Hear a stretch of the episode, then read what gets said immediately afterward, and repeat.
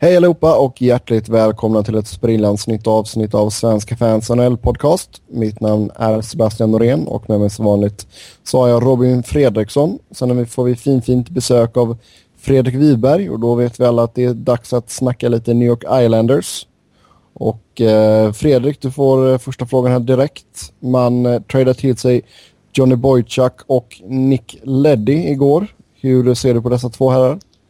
Ja, Nick Leddy det är kul att få in en uh, ung kille som ändå har kört rätt många matcher i Chicago. Så jag tror att det kan bli en väldigt spännande värvning. Och uh, Boychuk är ju väldigt rutinerad så det, det känns bra. Det känns som två bra byten. Spännande tider. Om du tittar på Islanders eh, försvarsuppsättning nu, alltså just hur mycket bättre är det nu med de här två killarna? Ja, jag skulle väl säga att um, det, det lyfter laget, absolut. Eh, med eh, Calvin DeHaan och Thomas Hickey i andra, tredje backparet så, eh, så tror jag att det blir, det, det blir bra med konkurrens. Ja, alltså om vi tittar på, på det just nu då. Alltså, du har ju Wisnowski, eh, Travis Hamonic självklart då, så Boychuk Leddy, Calvin DeHaan. Och sen skulle du, vem skulle du sätta som sjätte gubbe? Hickey eller? Um, ja, jag skulle nog... Eller Brian Strait. Brian Strait eller Hickey. Uh, men inte det får... Karkner? Nej, helst, helst inte. Han är ja. så duktig. Så, uh, nej men det, det känns kul faktiskt. Det gör det. Uh, det skadar inte med lite rutin i Boychuk då den backsuppsättningen uh, ser ganska... Ja, det är inte jättemycket rutin. Tycker du om mm. vad man gav upp för de här två då? Borsak var ändå två andra rundsval och eh, ledde så gav man ju upp rättigheterna till Anders Nilsson, TJ Brennan och den ganska högt lovande, eller högt rankade prospectbacken Ville Pocka. Ja, det är klart att tittar man på det så är man ju inte eh, jätteglad. Det kanske var lite för mycket men så, så det var väl ganska väntat också att när Islanders förhandlar så brukar det gå till så här man hade ju ändå lite, man har ju satt sig i en dålig förhandlingssits också i och med att man inte har sitt första val den här säsongen. Eh, mm. Och andra lag vet att Snow måste satsa. Mm. Eh, och alltså, man har ändå byggt upp sin prospect pool så bra att man kanske inte behövde de där två andra rundsvalen man bytte bort. Eh, Ville Pocka för Nick Leddy, det är liksom, ja, man byter potential mot det som är bra nu eh, istället. Kent Simpson och Anders Nilsson ingick också i i två målvakter som bara bytte plats. Eh, Anders Nilsson hamnade hans rättigheter i Chicago istället och Ken, Ken Simpson hamnade i Islanders AHL-lag och TG Brennan gick över i dealen också. Den oh, AHL-backen som gjorde över 70 poäng i AHL men han sattes ju på waivers direkt i eh, av Chicago och eh, eh blev inte plockad vad det verkar som. Eh, så att han eh,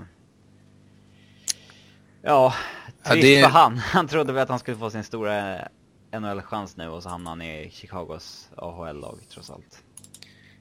Och det hade han nog fått i Islanders. Eh, och det hade ju varit spännande att se vart han hade kunnat hur han hade kunnat utveckla sig ut på Long Island. Men eh, det är klart att det hade varit en chansning också med Brennan. Man kan vara bra i AHL men sen gäller det att kunna spela i NHL också. Och eh, det är ju inte ett jättelätt steg att ta. Det är Nick Leddy som tar hans plats helt enkelt i eh, PP-spelet. Ja, så. ja. Mm. Sen när vi tittar eh, vad Snow har gjort uh, utöver det under sommaren här så man signar ju Mikael Grabowski, Nikolaj Kulmin och uh, man lyckas även knyta till sig Jaroslav Hallak. Och, uh, är dessa herrar rätt fit för New York Islanders? Ja, börjar vi bakifrån då så Jaroslav Halak, absolut. Nu på väldigt länge så känns det som att vi har en målvakt som är stabil och kan stå över en hel säsong. Och eh, det har vi inte haft de senaste åren så där känns det ju tryggt. Nej, uh, Islanders senast en bra målvakt. Måste ju varit ja, jättelänge sedan. Väldigt, väldigt länge sedan. Det är väl svårt att komma upp med ett namn ens.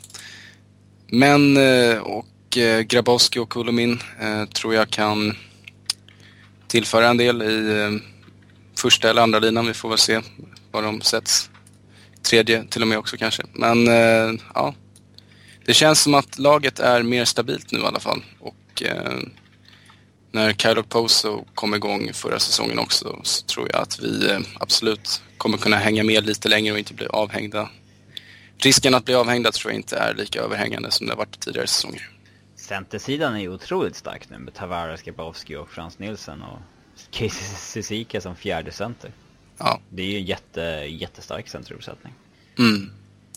Kulemin tar ju ändå en plats. Eh, alltså, de har inte jättebra forwardsida utöver Poso kanske. Eh, där tar ju ändå Kulemin. Han kommer ju få en offensiv roll som han inte hade i Toronto.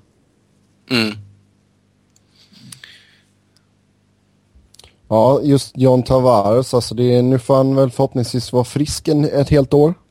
Uh, förväntar du dig stordåd av Tavares?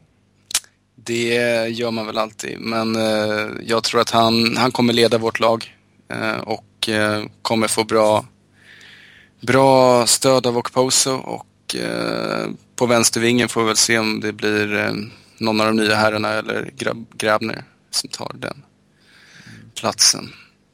De skulle ju behöva en riktig star player där bredvid honom.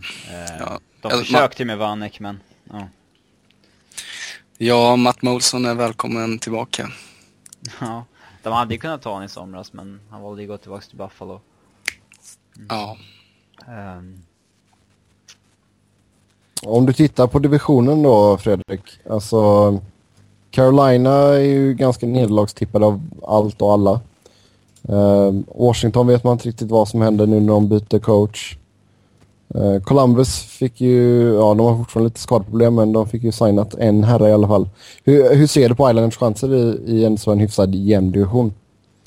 De är väl... Eh, de är väl inte jättehöga, eh, det får jag faktiskt säga, men divisionen kommer bli jämn och det gäller ju att ta, ta varje poäng och framförallt vinna matcherna mot lagen i divisionen. Så det kommer bli tuffa och täta matcher, eh, men jag tror ändå att vi har en bättre chans än både Columbus och Carolina den här säsongen. Så eh, ja, jag, jag tror ändå på Islanders att vi kommer kunna blanda oss in i slutspelsracet. Mm, Columbus tog ju en, eh, en slutspelsplats med 93 poäng förra säsongen. Eh, tror du att det kommer behövas komma upp i de siffrorna igen? Det tror jag nog. Eh, och kanske till och med högre. Det, eh, det kommer nog bli som sagt väldigt jämnt och avgöras in i det sista vilka som tar platsen. Eh, sista säsongen i gamla arenan innan man flyttar till Brooklyn. Mm. Eh, hur, hur skönt ska det bli att få byta arena tror du? Nej men det, det kommer ju gynna, gynna organisationen i stort med både att värva in nya namn kanske och även eh, att det blir kul för, för fansen att få en ny fräsch arena. Även om det är mycket nostalgi och charm kvar i Nassau Colosseum så tror jag ändå de allra flesta uppskattar en arenaflytt. Mm, ja, jo. Det är tradi- tydligen inte jättelätt att ta sig ut till Colosseum vad jag har hört. Både om man inte har bil så eh, det, det blir nog också lättare att ta sig in till Brooklyn. Ja, jo, det, det lär det ju säkert vara samtidigt som att Nassau var ju nog ganska nedgången här nu. Eh, jag, vet, jag vet min svärfar, han sa att det var den sämsta arenan han någonsin har varit i. Ja, jag har aldrig varit där och nu är det ju det här året man måste åka då i sådana fall för att, för att insupa den eh, nostalgi som finns i arenan. Men eh, kanske ska spara pengarna och åka till Brooklyn istället nästa säsong. Få hi- hitta ett sista minuten-flyg. Och sen eh, ta en hyrbil. Ja, får man Ja. göra det. Yes. Ehm, Robin, har du några andra frågor till Fredrik? Eh, alltså... eh, Nej, vi har väl... eh, Han täcker allt ganska snabbt där, men... eh, Eh, vad, vad är det mest orolig för den här säsongen? Vi, vi sa att centersidan är jäkligt bra och försvaret har ju... Ja, satt sig nu. Det kanske fortfarande finns lite frågetecken där. Eller? Ja, nej men det är väl eh, rutinen på, på backsidan liksom. Vi vet inte hur Lubomir Wisnowski kommer vara det här året och eh, förutom honom så är det ju Boychak och eh, Matt Karkner då. Och Matt Karkner är ju stabil back men har väl kanske sett sina bästa år. Så eh, det är väl där, om det skulle uppstå en skada på Lubo som känner mig lite orolig och eh, även bland forwardsidan, de som kommer göra poängen liksom. Det har varit ganska jämnt där och framförallt dominerande av Tavares och bakom honom så visade dock Posa att han, eh, att han ändå har de här, den här potentialen till att bli en första vinger. Eh, men eh, utöver honom så kommer det nog fördelas rätt jämnt bland poängen och man skulle gärna vilja ha en kille som kliver fram och öser in lite fler mål. Mm. Mm. Vem tror du får chansen bredvid Tavares och Posa?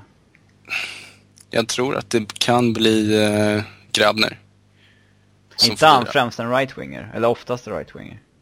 Ja, men han slängs runt lite på, på vänstervinger ibland också. Så mm. Han är ju vänsterskytt. Um, men jag mm. tror inte det blir Bailey och jag tror inte det blir Nielsen. Uh, så att, ja, Kolomin eller Grabner kanske. Mm. Sen uh, Robin, du tweetade ut en liten fun fact förut också. Sista året man behöver betala Alex Yashi några pengar. Mm. ja. Hans, måste... uh, han hänger kvar. Ja. Det är sista året nu. Den uh, måste ju betala Di Pietro till 2029 så att han tar väl över den checken. Mm. Ja, nej, vi får se vad som händer ute på Long Island uh, sista säsongen i Nassau Coliseum innan det blir uh, Brooklyn för hela slanten. Vi tackar Fredrik så jättemycket för att han var med oss. Ja, tack. Tack, tack. Robin, då ska du och jag gå vidare i programmet här och uh, vi kan väl ta och hoppa in på kontrakten innan vi tar vår nästa diskussionspunkt. Ja. Och vi fick ju nyheten i morse, i alla fall morse min tid. Uh, Ryan Johansson, det blev ett treårskontrakt, en uh, capita på 4 miljoner fast lönen sista året är 6 miljoner så uh, qualifying offer nästa gång då kommer ju vara 6 mille va? Ja, kanske mm. lite. Det känns som att det är Johansson som har vikit sig lite kanske. Uh, han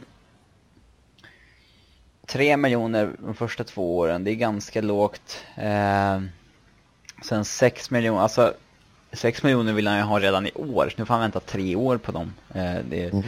För att få det long term. Men det, ja, det känns som Johansson har vikit sig lite också, men å andra sidan så har han garanterat sig själv en ganska stort kontrakt eh, nästa år. Eh, eller nästa gång det är dags att signera kontrakt oavsett egentligen hur han har presterat.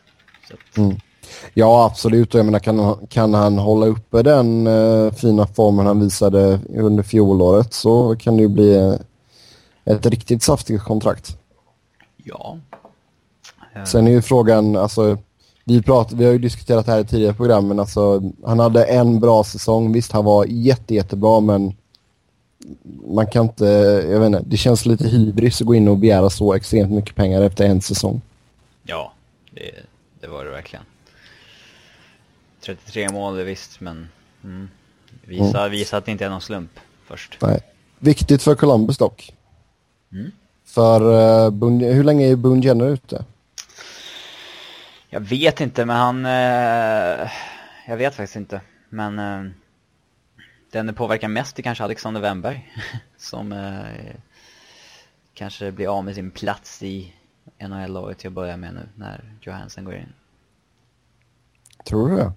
Ja. Känns, känns det som att han ska kanske kunna snika en plats ändå? Ja, alltså. De har ju så jäkla många offensiva centra. Alltså jag vet inte, de vill kanske inte ha Wennberg i en fjärde kedjeroll liksom. Och jag kanske spelar Wennberg som winger också i och för sig, men mm. i mitt tycke så Nej, men alltså, jag, jag, Jo, men jag, det, det ser vi ofta att det är killar som ja. vi kanske känner borde vara centra som pillas ut på en vinge. Men just med tanke på att både Jenner och Horton är skadade så finns det ju lite wiggle room nu i alla fall i början av säsongen. Mm, Simon Hjalmarsson har skickats ner men uh, Alex är kvar vad jag vet. Mm. Jag hoppas i alla fall att han får chansen för det är en riktigt, riktigt vass spelare. Det vore intressant att se. Mm. Ja, vi fick ju såg eh, Ovechkin hade instagrammat ut att Burakovsky fick vara kvar. Mm, kul för honom. Eh, det är ändå så kul att få se lite nya svenskar liksom få stanna kvar i ligan också. Vi såg ju att William Nylander inte fick stanna med Toronto bland annat. Mm. Det var så, inte så oväntat. Eh, nej, men vi får väl se. Han, eh, Killen är grön. Blir, blir huggsexa bland lite svenska klubbar och få lillnyllet. Mm. Thomas Roos uh, sa att Djurgården borde ligga bäst till, men så gick Djurgården ut och sa att de inte var intresserade av honom. Okej. Okay. Ja, ja. Alltså det är bara ett halvår sedan han inte ens gjorde något större avtryck i SHL liksom. Så att det, Nej. det ett, komma och förvänta sig att han ska gå in som en toppspelare bara för att han har varit och tränat med Toronto, det, det bör man inte göra. Nej, absolut inte. Ja, nästa kontrakt här då, Brendan Dillon, Dallas. Eh, ett ettårskontrakt, 1,25 miljoner capita för Mr Dillon. Mm, där är han ju väldigt snäll och viker sig. Det där är ju en back som ska ha 3-4 miljoner liksom. Eh, mm. Men eh, ja, får bevisa att han kan det här, det han gjorde i år, en säsong till och sen kan han få ett längre kontrakt på den summan antar jag. Eh, det är en jättebra back, det är verkligen. Eh, och han eh, ska ha mer betalt än sådär om vi snackar long term, definitivt. Mm. Sen gjorde man ju även en förlängning med Cody Eakin. Eh, två år och 1,9 miljoner fick han. Mm, det är ju ett eh, ganska rimligt bridge-kontrakt för en spelare av eh, Eakins kaliber. Eh, ja. Jag tycker överlag tycker jag Dallas verkar sköta affärerna Ja, de har en bra. fruktansvärt bra general manager, Jim Neal, faktiskt. Alltså varenda move han har gjort sedan han kom dit har ju varit eh, liksom fantastiskt känns det som. Eh, han har liksom, Dallas var en död organisation när han kom dit för ja, eh, lite mer än ett år sedan och nu är de en av de mest lovande, eh, alltså up and coming klubbarna i NHL helt plötsligt. Det, mm. Man säger att man inte kan trada till sin första center längre och han har tradat till sig två på ett år och fått fram riktigt vassa prospects som kommit upp och de kanske var där redan innan han kom dit i och för sig men han har ändå gjort det jäkligt bra. Mm. Absolut, nej han ska ha mycket cred. Sen eh, gäller det ju att de kan leva upp till hypen också. Kan ju, kan ju bli att det blir lite väl mycket press på dem. Ja, de har inte... De lever i en marknad där det liksom inte är så jäkla mycket de har lite lugn och ro där tror jag i Dallas, alltså i Texas. Det... Ja, det är klart att det, det, är inte så att det är något jättetryck från media eller publik. Det kan man ju inte säga. Alltså, I Texas vet vi alla att det är amerikansk fotboll som är nummer ett liksom. Mm. Det, det går inte att sticka under stol med. Eh, på tal om bra deals dock, så både Tory Krug och Riley Smith signade ettårskontrakt med Boston. 1,4 eh, miljoner capita där kan vi också snacka att man tar lite discount. ja, lite. eh, bägge spelarna ska vi kanske ha 3-4 miljoner redan, redan i dagsläget. Men mm. de accepterar Bostons eh, cap-situation och att eh, de får sina kontrakt nästa år istället. Eh, vart nu pengarna ska komma ifrån då, det vet jag inte men...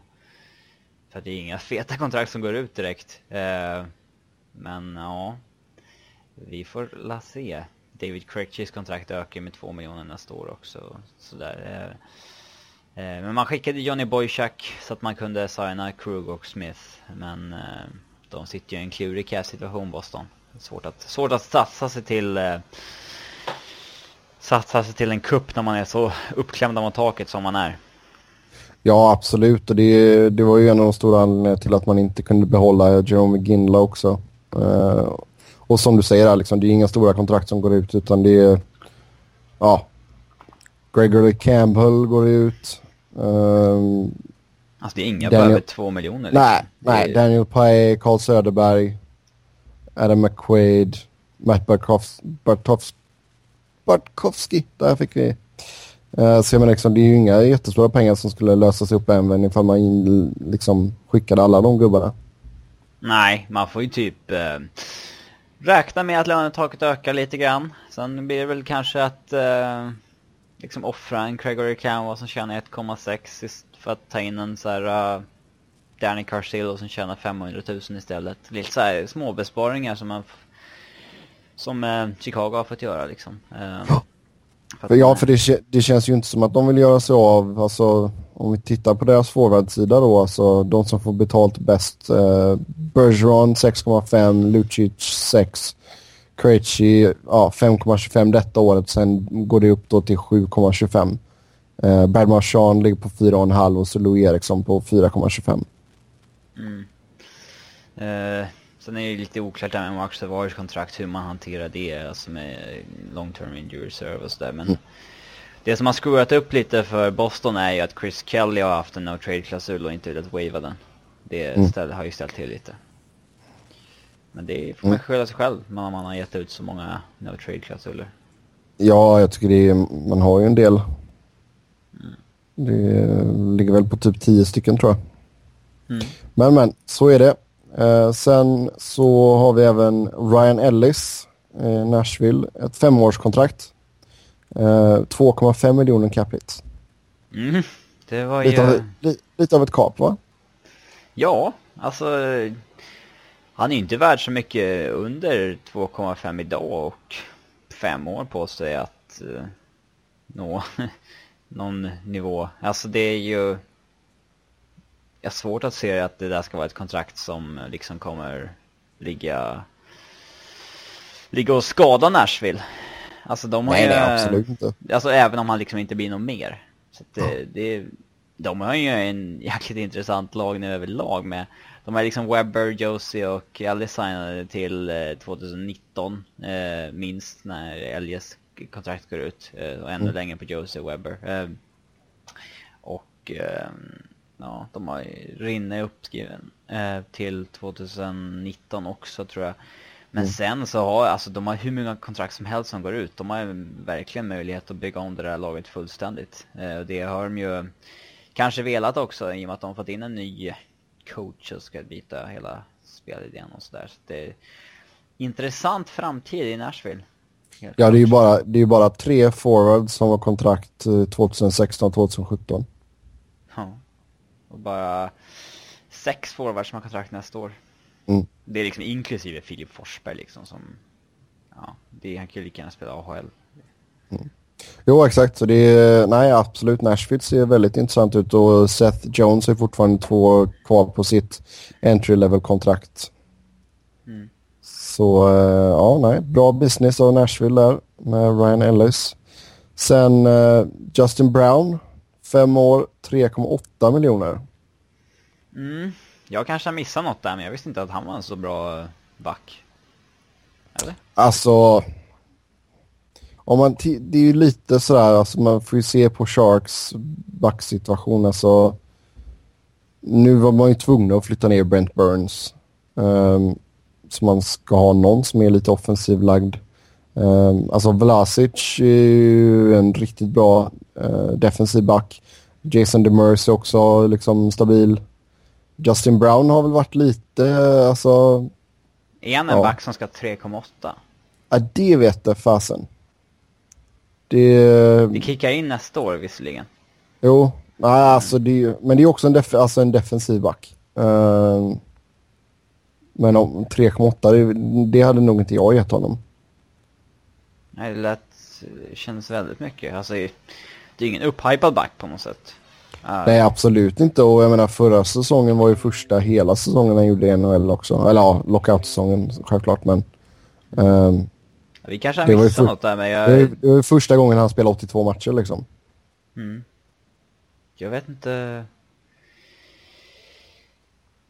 Han har ju aldrig varit offensiv lagd. Alltså jag tror som bäst så hade han, ja, han hade ett år i, i uh, när han spelade för UMass i uh, college-ligan så låg han på 31 poäng på 36 matcher.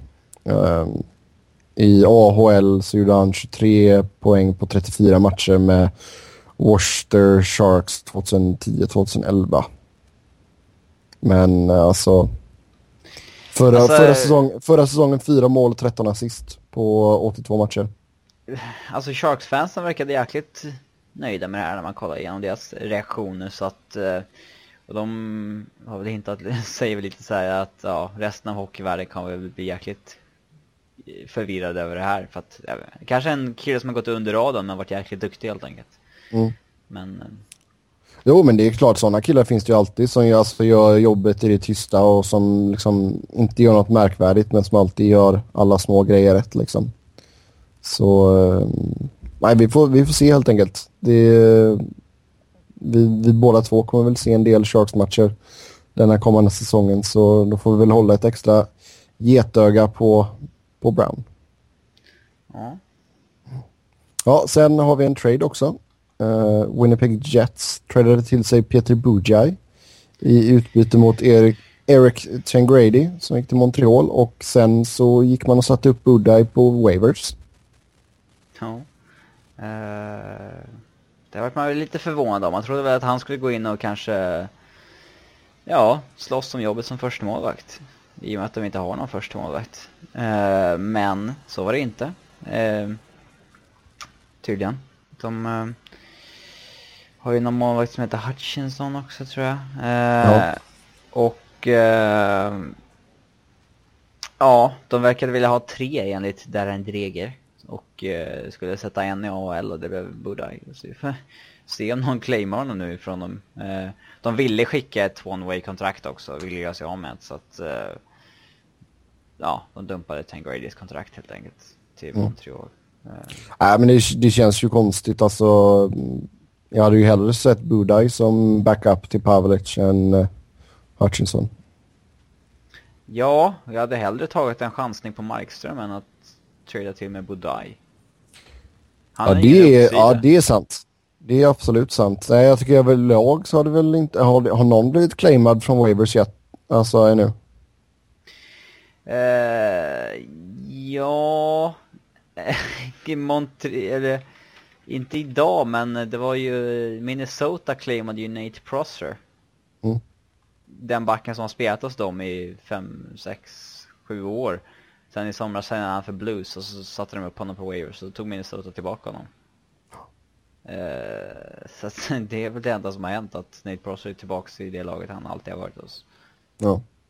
Men det är Nej, men där tycker jag, jag tycker du har en jäkligt bra poäng där. För alltså om man är Winnipeg, varför inte chansa på Markström? Det är... Ja, för jag, alltså jag, det... jag, skulle, jag skulle ju, jag håller med dig att jag skulle ta Markström före Bodaj om man nu ändå så skulle skicka ner Bodaj. Mm.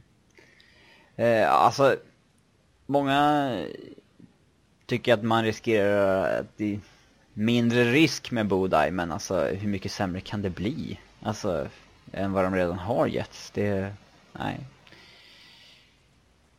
Nej, jag förstår inte riktigt varför, men... Eh, nej, men samtidigt så har vi inte förstått valet att satsa på Pavlec heller. Nej, men där sitter de ju fast i skiten helt enkelt. Han har ju det kontraktet och... Ja. Ja, 3,9 cap hit fram till 2016-2017. Mm kanske skulle köpt ut honom eller någonting men... Eh, nej, vi får se. Mm. Ja, eh, vi får se vad som händer där. Jag tror inte att någon kommer att claima Boda i alla fall. Nej, alltså det är ganska... Det finns ingen marknad för målvakter liksom. Det är ingen som letar. Mm. Ja, det var det. Då ska vi ge oss in på vår andra diskussions... Eh, ja, vad säger man? Diskussionsämne. Och det är Ottawa Senators och man utnämnde Erik Karlsson till ny kapten. Och um, det kändes väl inte som man hade sådär jättemycket annat att välja på, eller? Nej, alltså gamla stofilerna säger att de borde valt Chris Phillips, men det är en back som är på, så uppenbar på nedgång liksom. Mm. Uh, så visst, man hade kunnat ha honom i två år så här, men jag, jag föredrar kanske att man har en kapten liksom. Varje gång man tar ut en kapten så ska det vara någon som man liksom tar för ett decennium liksom. Mm. Eh. Ja, liten sidnot där kan vi ju säga också att det verkar som att Florida har utsett Willie Mitchell till ny kapten. Mm. Ja, det, det, det, är ju inte så jättelång lång, eh, long term på det med tanke på att han är uppe Nej. i åldern. Men de hade andra sidan ingen Erik Karlsson att ge det till. Eh, nej. Alltså, vem skulle de ha liksom? Eh, ja, nej, det är sant. Eh, Men tillbaka till Karlsson då. Världens bästa Karlsson. Kommer han att växa med detta ansvaret? Jag vet inte, det känns ju inte som en uppenbar kaptenstyp direkt. Alltså det, det är han ju inte. Det, han är ju mer den här, ja vad ska man säga, stjärnan liksom som tar hockey med en klackspark liksom och bara har kul. Men eh, ja, vi får se hur det förändrar honom helt enkelt. Eh, han kanske inte bryr sig alls om det där och bara spelar som han alltid har gjort. ja, man har ingen aning om hur han är liksom utanför isen eller i omklädningsrummet när det är stängda dörrar och sådär. Mm, nej, det är sant. Men göteborgare så jag vet att han är en god gubbe. Ja. Uh, han... Uh, läste du... Uh, läste du Gunnar Nordströms uh, krönika om Erik Karlsson som kapten? Nej, det gjorde jag inte. Nej, den var väldigt rolig. För att det... Ja, jag vill inte såga honom för mycket men det känns som att han har en ganska soft jobb som korrespondent till Expressen Nordström och han inte kanske lägger ner så mycket research bakom arbetet han ja, skickar ut på Expressen. Och han skrev ju i sin krönika eh, eh, hur var det han formulerade sig? Det var, eh, jag ska kolla exakt, eh, så här. Och frågan är om vi någonsin haft en sådan ung svensk som lagkapten i NHL. Har inte hunnit kolla, men på rak arm tror jag inte det. Och sen några, Nej, men lägg av. sen några rader ner så nämner han så de kaptenerna vi har nu i NHL, det är Erik Karlsson, Henrik Sedin, Henrik Zetterberg och Gabriel Landeskog. eh, och han, alltså man kan inte, det var inte det, Landeskog var ju inte bara den yngsta svensken någonsin, han var ju den yngsta någonsin överhuvudtaget som blev lagkapten i NHL. Ja. Eh, och han, efter det så sa han, när han listade fyra lagkaptener att det var ju inte som på den gamla goda tiden när Sverige alltid hade en hand, mer än en handfull lagkaptener i NHL. Och, ja, jag vet att en säsong, 2006, hade Sverige sex lagkaptener. Annars har man haft fem vid två tillfällen. Eh, mm. alltså det är bara tre säsonger i historien som man har fler lagkaptener än så här i, i NHL. Eh, så jag vet, ja. Kändes som en ganska slapp krönika där han fick något mejl. Kan du skriva någonting snabbt om att Erik Karlsson? Ja, exakt. Ja, visst. Typ. skriva han lite. Ja. Det var inte så mycket jo, research bakom kanske. Nej, alltså är man, alltså det är klart att alla, alla kan, kan vi göra fel ibland, men om man är alltså hockey, hockeykorre och ska ha koll på NHL så borde man väl ändå så veta om att Gabriel Landeskog är yngre än Erik Karlsson. Ja, han, han är ju yngre redan nu än vad Erik Karlsson är nu liksom. Mm. Och han har varit kapten i två år och eh, speciellt när han nämner honom någon rad efter i artikeln. Ja. Ja. Ja, ja. ja. Det, det var det är. Uh... Erik Karlsson är ju inte, alltså man tänker på Erik Karlsson som liksom 21 bast typ, men han är ju hunnit fylla 24 nu liksom. Han är inte mm. jätteung längre. Nej, nej, alltså han är ju nej, nej, absolut inte, men samtidigt så har han ju verkligen, uh, det är ju en kille som verkligen har vuxit sedan han kom in i ligan, alltså med otroliga steg och jag menar, alltså hans poängproduktion är ju helt galen. Ja, men med tanke på att han spelar inte med jätte, jättebra spelare heller. Alltså, Nej, absolut inte. I fjol hade de visserligen kvar Spetsa och sådär, men Karlsson gjorde mer poäng än Spetsa och... Mm. Så att, alltså, och i år kommer de ju inte ha ett jättestarkt lag, så det blir intressant att se vad han, vad han kan leverera nu. Mm. Ja, men jag tror alltså, vad var hans poängsnitt förra året? Alltså det låg ju nästan på typ, jag tror det var 0,9 någonting.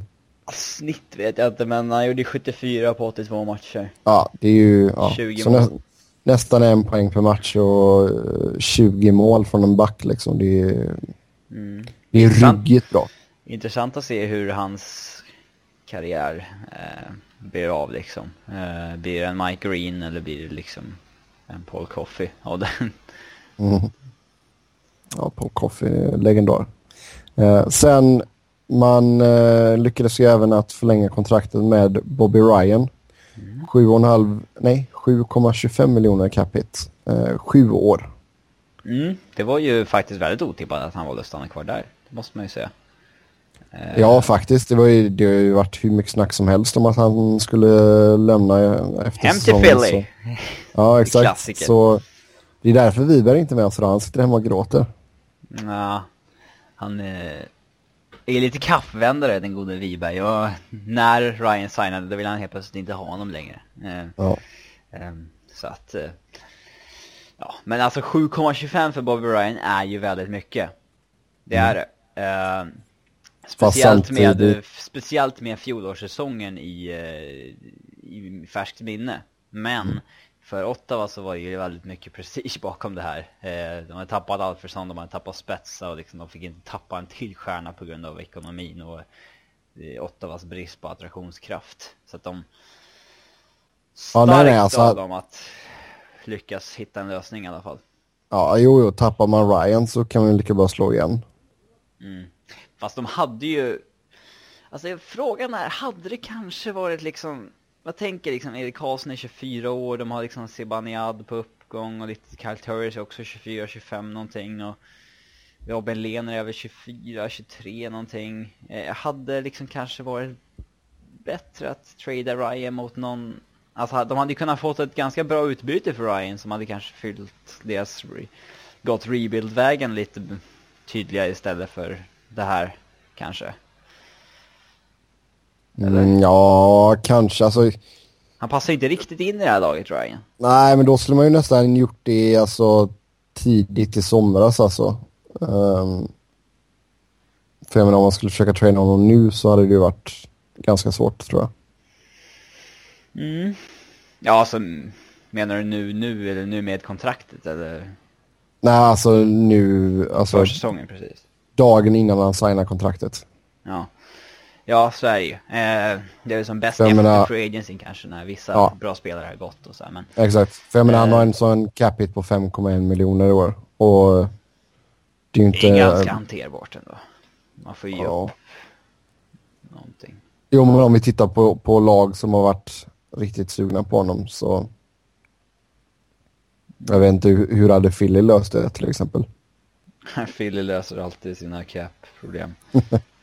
kan få in alla möjliga spelare trots att de inte har några pengar. Eller löneutrymme. Ja, oj då, den här spelaren blev visst långtidsskadad. Mm. Ja, Pronger han är ju frisk egentligen. Det är bara att han inte får vara med. mm. Nu, bara, tving, nu tvingar de ah, Timonen att vila också. Ja, exakt. De bara, oj då, RJ Umbergers knäskål gick sönder. Mm. Nej då, men, eh, men jag tror alltså, det är svårt också för jag menar, tittar du på Ottawas lag, jag vet inte exakt hur deras farmsystem ser ut just nu, om det är några liksom riktigt eh, bra prospects. De har ju draftat men... väldigt bra inom Sverige senaste åren. Det har de verkligen gjort. Det, vi kan ju ta en titt. Alltså de har ju... Uh, du, du, du, de draftade Andreas Englund från Djurgården i fjol. Uh, Curtis Lazar i fjol. Eller, de draftade Andreas Englund i somras. Curtis Lazar i fjol. Uh, Cody Ceesay året innan. Uh, Zibanejad. Uh, det var Fredrik Claesson. De har... Ja. Den har de ju i och för sig vissa har ju redan kommit in och är på uppgång. Med Zibanejad och Lener och Silverberg mm. som de visserligen skickar bort. Men eh, sen har vi Micke Wikstrand också. De är, alltså de har en ganska bra prospect pool ändå tror jag. Jag vet inte hur den står sig jämfört med andra men... Ja. Mm. Ja, men sen är ju grejen, alltså du har ju Clark MacArthur är ju signad long term. Mm. Carl Turris hyfsat länge då, så Bobby Ryan i en evighet här nu. Eh, men menar, liksom, man gav Mihalek ett nytt treårskontrakt på fyra miljoner. Mm, det var väl kanske, alltså det är inget bra eh, kontrakt sådär, men Nej. han, de måste ju ändå spendera upp till golvet liksom. Det behöver de ju göra nu. Mm. Eh, vi får se. Det skummaste var väl att de förlängde med Kirk Anderson tycker jag. Ja, att man ger både Anderson och Lena nya kontrakt. Eh, alltså Craig Anderson hade ju, eh, han hade ett år kvar på det här. Så man hade, ja. förlängde de redan nu i sommar med honom. Alltså de hade ju, hade ju kunnat gått in i säsongen med både Lener och Craig Anderson. Och sen kunnat skicka Anderson som pending UFA under säsongen till ett lag som har målvaktsproblem. Alltså det, mm. Craig Anderson är ju mycket mer attraktiv som 33-åring som sitter på ett år kvar än att han ska sitta på kontrakt fyra år till. Ja, ja alltså, absolut. Och med, tank med tanke på att hans cap går upp med drygt en miljon nästa säsong också. Ja, alltså det var ju... De sänkte ju hans trade value rejält där. Tycker jag. Mm. Ja, ja, absolut. Nej, denna säsongen så satt han ju på drygt 3,2 miljoner cap hit och nästa år då så går det upp till 4,2 Uh, och så går kontraktet ut efter säsongen 2017-2018. Mm. Uh, ja, nej, jag vet fasen. Jag hade ju satsat stenhårt på Lener, men det... Ja, det borde de göra, men... Ja, jag förstår inte riktigt var, varför de... Uh... Ja, de går väl in, borde väl gå in i säsongen med de så här 50-50 typ. Uh... Jo, men det känns lite konstigt ändå. Alltså, om vi tittar på... Robin fick ett kontrakt på 2, ja, 2 225 000. Eh, tre år. Och jag menar, liksom, skulle du ha Anderson i, som backup så, som sitter på 4,2? Nej, planen måste ju vara att skicka Anderson eh, när Lener är redo. Men de vill ju inte skicka honom förrän Lener har bevisat att han är the man. Eh, men... Eh, ja, det fanns ju liksom ingen... Eh, alltså syfte med att förlänga redan nu på en gång. Liksom, med eh, Anderson. Ja, nej, nej. Alltså det är som du säger alltså trada honom under säsongen, det hade varit det bästa. Mm. Om Lena liksom tar, tar klivet och så här. Eh, men, ja. Mm.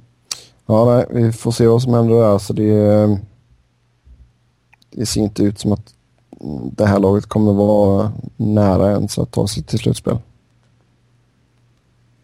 Ja, alltså de spelar en så jävla enkel division. Alltså det... Jag vet, alltså de spelar ju med Boston, Tampa, Montreal. De kommer ju komma 1, 2, 3. Men sen så, liksom det är inte jätte... Ingen enkel division så, men det är kanske den, den mest liksom gynnsamma att spela i. Ja, men alltså, jag, jag tror inte så att Florida kommer inte vara bättre. Jag tror Toronto kommer väl vara ungefär som de var förra året. Um, så jag menar, enda slagpåsen i divisionen är ju Buffalo, i min mening. Alltså jag tror fortfarande att Florida kommer vara slagpåse ett år till. Uh, de har i alla fall två av de sämsta lag i sin division. Det går inte att komma ifrån. Jo, men jag tror inte Florida kommer vara, alltså jag tror Florida kommer få de kommer vara bättre än förra året. Jag tror inte bara att de kommer hamna på 66 poäng. Ja, det vet fan. Det vet fan. Nej, vi får se, vi får se. Uh, nej, alltså i dagsläget så håller jag både Toronto och Detroit för Ottawa. Mm, ja, det gör jag. Jag med. Mm. Ja, det är kul att vi är överens om något. Uh, ja, är vi klara med Ottawa där eller? Ja, ja. Mm. Mm. Då går vi över till uh, lite Twitter-frågor. Och uh, har du namnen på vilka det är som har skickat in eller ska vi bara dra frågorna och säga tack till alla som skickar in? Nej, jag har inga namn. Okej, okay, men då säger vi tack till det som skickar in då, så ni, ni känner väl igen er fråga antar jag. Uh, första frågan, uh, kan uh, Danny Heatley få en nytändning i Anaheim eller är han helt slut? Det beror på vad man ställer för krav. Att han, att han kan bli en 20 mål 20-25 måls skytt igen, det kan han definitivt. Speciellt mm. med tanke på att han kommer få spela med antingen Kessler eller med um, Getzlaff. Jo, och sen kommer han ju få spela lite PP och det är ju en stor kille så det är bara att ställa honom framför målet och så får pucken skjutas via honom och in. Det, det har vi ju sett förr hända med honom. Mm, han har ju kvar skottet. Um, så att Ja, han borde... Ja, jag gissar på att han gör över 20 mål i år. Men eh, alltså han kommer inte bounsa tillbaka till några 40 målstider direkt, eller 50 målstider framförallt. Ja, nej, nej. Nej, nej.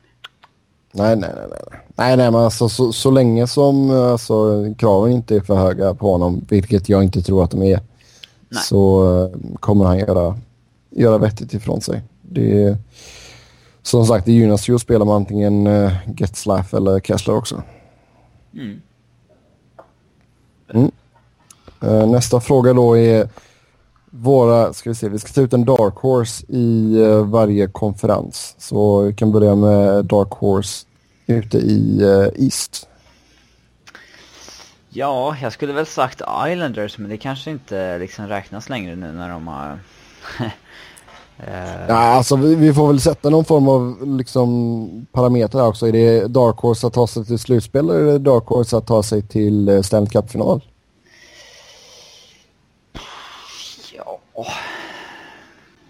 Några Dark Horses att ta sig långt i alla fall tror jag är Islanders som New Jersey kanske. Uh, Dark Horse att ta sig till final. Mm. Nej, där ser jag faktiskt inget annat än att det skulle kunna bli Boston, Pittsburgh, kanske Tampa. Ja, tam jag tror stenhårt på Tampa i år, men... Uh, ja, alltså Pittsburgh är alltid så jäkla svårt med tanke på deras... Alltså, jag är så trött på att snacka om Mark-André Fleury, men det... Hade de haft en ordentlig slutspelsmålvakt så hade de ju haft mer än en Stanley Cup. Uh, under uh, Malkin Crosby-tiden. Mm. Uh, ja, vi säger Dark Horse att ta sig långt. Nej, jo, jag tycker inte som man kan säga Islanders ändå alltså. Mm. Det, med tanke på att de kom sist i divisionen förra året. Ja, så är det mm. de, de är inte en Dark Horse längre, de är ganska upphypade nu liksom. Så det är svårt om de räknas eller inte. Ja. Um, ute i Western Conference då? Då tror jag Robin säger Dallas. Ja, alltså skulle vi säga att det knappt finns någon Dark Horse här. Det är liksom ganska givet vilka som kommer gå till slutspel känns det som. Även fast det inte kommer jo, bli att, dem. Att, men det... att, ta, att ta sig långt med det, då, då känns ju ja, inte så Dallas som och... en Dark Horse. Ja, kan... Jag har ju tippat dem fyra i uh, Central. Då kommer de få möta ett av lag lagen som kommer etta i alltså, Nej, då tror jag ändå att de ryker liksom direkt. Um, från ja, om jag tippar nu i, nu i oktober. Eh, mm. Så att, nej, jag har svårt att se någon så här som skulle kunna gå riktigt långt där faktiskt. Det... Ja, nej, alltså det måste man nämna Dark Horse får man inte så säga. Får man ju ändå så säga Dallas. Ja. Uh, det är inte en dark horse att säga liksom varken Blues, Chicago, Los Angeles eller... Alltså det är inte en dark horse att säga San Jose heller liksom. Nej, trots kollapsen i fjolårets slutspel så eh, nej. Nej. Det är svårt. Mm. Dallas är det enda som har potential. Eh, det beror ja. lite på vad man får för säsong och sådär. Men de, de är ju på uppgång liksom. Mm, jo, det, det kan vi absolut säga. Det ska bli intressant att se vad, vad som händer om man sätter spetsar, Hemski och allt sånt där och hur det, hur det funkar. Vi har ju sett det funka förut, men ja, vi får se. Eh, nästa fråga då. Ehm, Anthony Duclair ser ut att få börja säsongen med Rangers. Ehm, vad, vad har du gillat vad du har sett av honom på under försäsongen? Jag har inte sett en minut av honom måste jag säga. Nej. Men uh, kul att något lag testar någon av sina rookies i alla fall. Mm. Det känns som det var fler förut där med att man gav alla nio matcher i alla fall att testa. Men i år verkar alla skicka ner sina jäkligt snabbt. Mm, nej, alltså han har gjort bra ifrån sig. Jag tror han har varit uh, poängbäst under försäsongen. Jag har bara sett lite highlights. Men uh, som sagt, alltså det är, man, jag tror man måste ge sig av med ett kontrakt först bara. Uh, så får vi se vad som händer där. Men som du säger, kul att någon testar någonting. Um... Det är mycket roligt att de testar honom med liksom Ryan Malone. Liksom. Ja, ja, herregud. Det, jag tror han ska... Och sen han får ju... Han får ju säkert... Uh, skulle han vara med då så får han ju säkert lira topp 6 också. Ja, annars ska han ju inte vara med. Det har jag tolkat det som i alla fall till den typen av spelare. Mm. Nej, alltså överlag. Alltså, sen jag, för jag såg någon tweet om, om Rangers kedjor och det, då skulle han väl spela med Kreider och eh, sen Louis tror jag det var. Mm. Uh, och sen en andra kedja med uh, Hagelin och Brassard och Zuccarello låter ju jäkligt sexigt faktiskt. Mm. Uh, helt okej okay, i alla fall. Helt okej. Okay. Det visar ju också fallet av Rick Nash. Ja, Rick Nash förfall. Ja. Kan ditt fancy stats-folket så kommer han göra ett bounce back år, så vi får se. Ja, det, det tror jag när jag ser det. Nej, vi får se, men alltså det är, det är ju svårt alltså också med tanke på att man tappade in så eh, ett gäng spelare nu efter Stanley Cup-final, förlusten mot Kings. Och, eh, det kan nog vara bra att det kommer in no någon frisk fläkt som en Duclair. Liksom ung, hungrig. Ja, det var ja. riktigt trötta signingar som sådana med Stepniak och så här. Fan, testa någonting ungt och fräscht liksom. Mm. De har ju redan tagit in liksom Saint Louis i fjol och sådär. Hur ålderstiget lag ska man ha egentligen? Mm, nej, det är sant. Det är sant. Fast nu, just nu så, ja, det man har ju några gubbar som är över 30 men... Um, och sen drar ju Saint Louis upp snittåldern rejält med sina 39. Mm. Mm. Jag får se. Eh, jag tror det kan dock bli svårt att uh, upprepa fjolårssäsongen. Det, det skulle vara om Lundqvist verkligen står på huvudet sen i slutspelet. Ja, nej, det var... Det här var ingen Stanley Cup-lag i fjol heller. Alltså det var bara en dålig conference och enkel väg till finalen. Price blev skadad i Montreal då. Alltså... Ja. Jo, alltså moraliska finalen, det var ju Kings Chicago. Ja, definitivt. Inge, alltså de... Hade Kings gått vidare så hade de vunnit med 4-0 eller 4-1 mot Rangers också. Eller hade Chicago menar jag. Ja.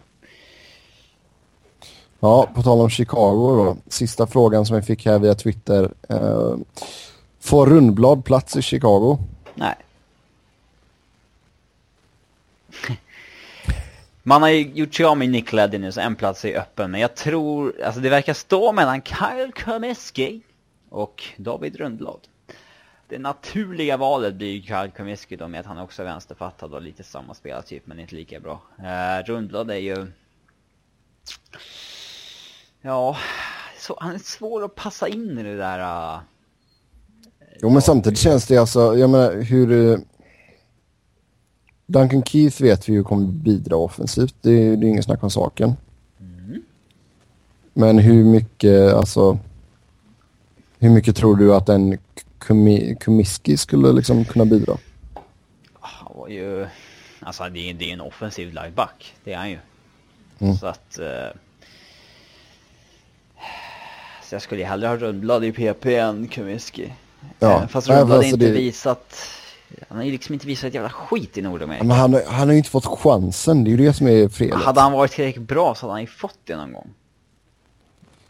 Eh, alltså jag, vet, alltså jag tror fortfarande att folk är lite, alltså att de tycker han är lite för tunn. Uh, alltså han gjorde över 50 poäng i, alltså i elitserien och det är ändå tre år sedan nu. Han har fortfarande inte fått chansen där borta. Liksom. Nej jag vet, men han gjorde ju alltså, han gjorde ju ändå så 39 poäng på 50 matcher i AHL. 2012-2013. Ja.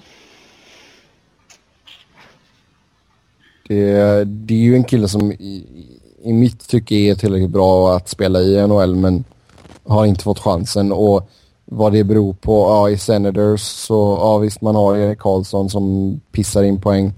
I, i Coyotes så har du Kiki Yandel och du har Oliver Lekman Larsson och du har även eh, Stone också som också är lite mer offensiv lagd. Så det fanns liksom ingen plats för honom. Det är så svårt för en spelare som Rundblad att liksom hitta en plats i, i ett eh, NHL när man är så endimensionell som han är. Eh, han måste liksom hitta ett lag där han får liksom helt rätt roll och det... ja, ja, men det... Och... Jo, men det är klart och det är, det är svårt att få liksom den chansen i ett topplag som Chicago. Mm. Det... det... var ju lite så de skyddade Leddy. Han spelade ju jäkligt lätta minuter i ett tredje backpar med Roosevelt. Mm. Uh, men det blir lite... Det blir lite clusterfuck där för att både Roosevelt och Rundblad är högerfattade. Jag tror inte någon av dem brukar spela till vänster. Det är lite mycket mer naturligt att slotta in Kumiski. Mm. Som liksom spelar till vänster som Leddy gjorde. Jag ser. Men äh, ja. ja. Det är ju sjunde back ska väl han ändå kunna vara i så fall då. Mm. Det borde han vara. Gå in med Keith om Seabrook blir skadad. Ja, så det. Det blir lite tungt kanske. Då blir det åka av. Mm. Nej, för jag tror inte... För Trevor Van Riemsdyk är fortfarande uppe, tror jag.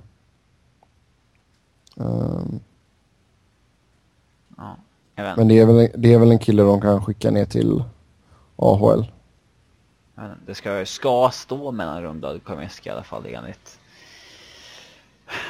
snacket som går. Mm. Ingen av dem eh, kan ju gå via waivers. Så att bägge måste vara kvar uppe om de inte ska riskera att tappa dem. Ja men då känns det väl som, säg att de håller sju backar. Då är ju Kaminski, Hjalmarsson, Keith, Odoja, Roosevelt, mm. Rundblad, Seabrook. Ja. Helt okej okay backuppsättning får man inte säga. Ja. Hade ju kunnat köra TJ Brennan i Leddys roll men den gav han inte chansen. Nej. Ner i AHL. Mm. Ja, jag ser alltså det, men det är klart också alltså det, det är ju svårt också med att man inte kan skicka ner honom för det för honom på läktaren är liksom... Ja, skönt för Rundblad nu i alla fall att han inte kan slippa det här upp och ner grejen. Mm. Det är liksom NHL och de måste satsa på honom. Ja. Jag vet inte, alltså om du hade fått välja ett lag, eh, om du får leka eh, hockey manager. Till Rundblad? Ja. Detroit Red Wings, de har inte en enda högerfattad back. Uh, och har letat efter en.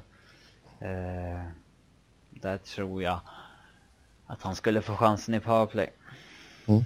Och mycket 5 mot 5 i och med att han är den enda högerfattade backen där. Och Babcock vill verkligen ha en höger och en vänsterfattad i varje backpar, men han har inte fått en enda högerfattad. Nej. Det var ju så han resonerade väldigt starkt när han skulle till OS. Eh, mm.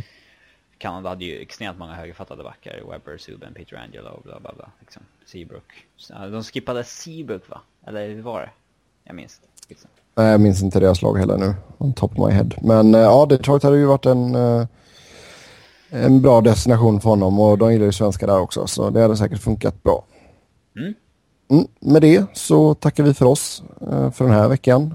Eh, som vanligt så kan ni snacka hockey med oss via Twitter. Skicka in era frågor så tar vi upp dem i programmet. Mig hittar ni på Noren och Robin hittar ni på R underscore Fredriksson. Och Niklas Wiberg när han kommer tillbaka hittar ni på Niklas Wiberg. Niklas med C och enkel B. Han är i Paris. Han är i Paris. Han är och eh, startar upp PSG Hockey. Mm. Tills nästa vecka, ha det jättebra och eh, nu kör vi snart igång. Det är bara fyra dagar kvar. Mm. Så tills dess, ha det gött. Hej!